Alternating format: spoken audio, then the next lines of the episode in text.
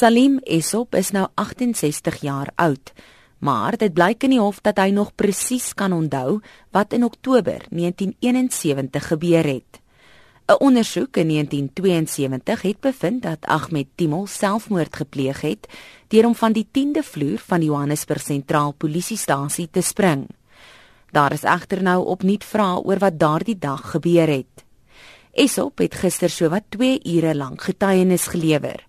Hy het in die hof vertel van die marteling deur die veiligheidspolisie wat hy en Timol ervaar het. Colonel Grayling's office. Right? He starts the torture. Well, he tells me, go on your knee, uh, sit on your knees. He then, you know, slaps me in all kinds of directions, from all kinds of directions on my face. And then he, you know, punches me also, right? Uh, he also throws me to the ground.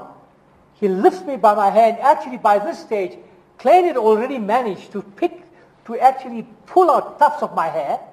My hair was relatively long, you know, going over my ears had pulled, already pulled, but this guy does it even more viciously. The tufts of my hair are coming out and I can see my hair on the ground. En so het hy aangegaan. So he lifts me, you know, and then holds me in a certain way and throws me to the ground. At one stage, he even throws me on the ground where I'm landing on my head, and this is devastating, right?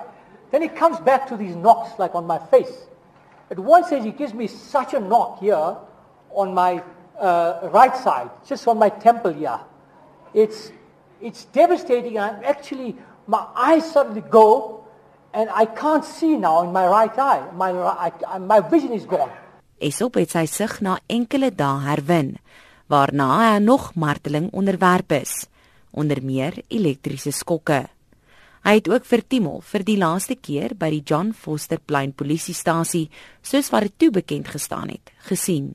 Yeah, so Saturday morning I'm, I'm there. So Saturday whole morning, Saturday whole afternoon, Saturday evening I'm being messed up there.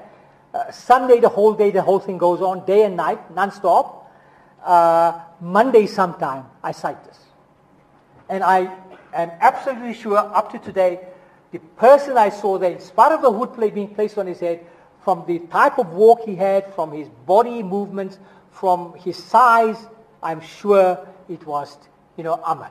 Die ondersoek hoop om lig te werp op 'n beweerde toesmeerveld tog deur die polisie en wat glo die moord van Ahmed Timol kan wees. Na verwagting sal Esop vandag sy getuienis voltooi waarna die menseregte advokaat George Bizos sal getuig. Daarna sal daar 'n besoek wees aan die polisiestasie wat 'n rekonstruksie van die toneel sal insluit. Hierdie verslag van Angela Bolowana. Ek is Melissa Tuggie vir SAK nuus.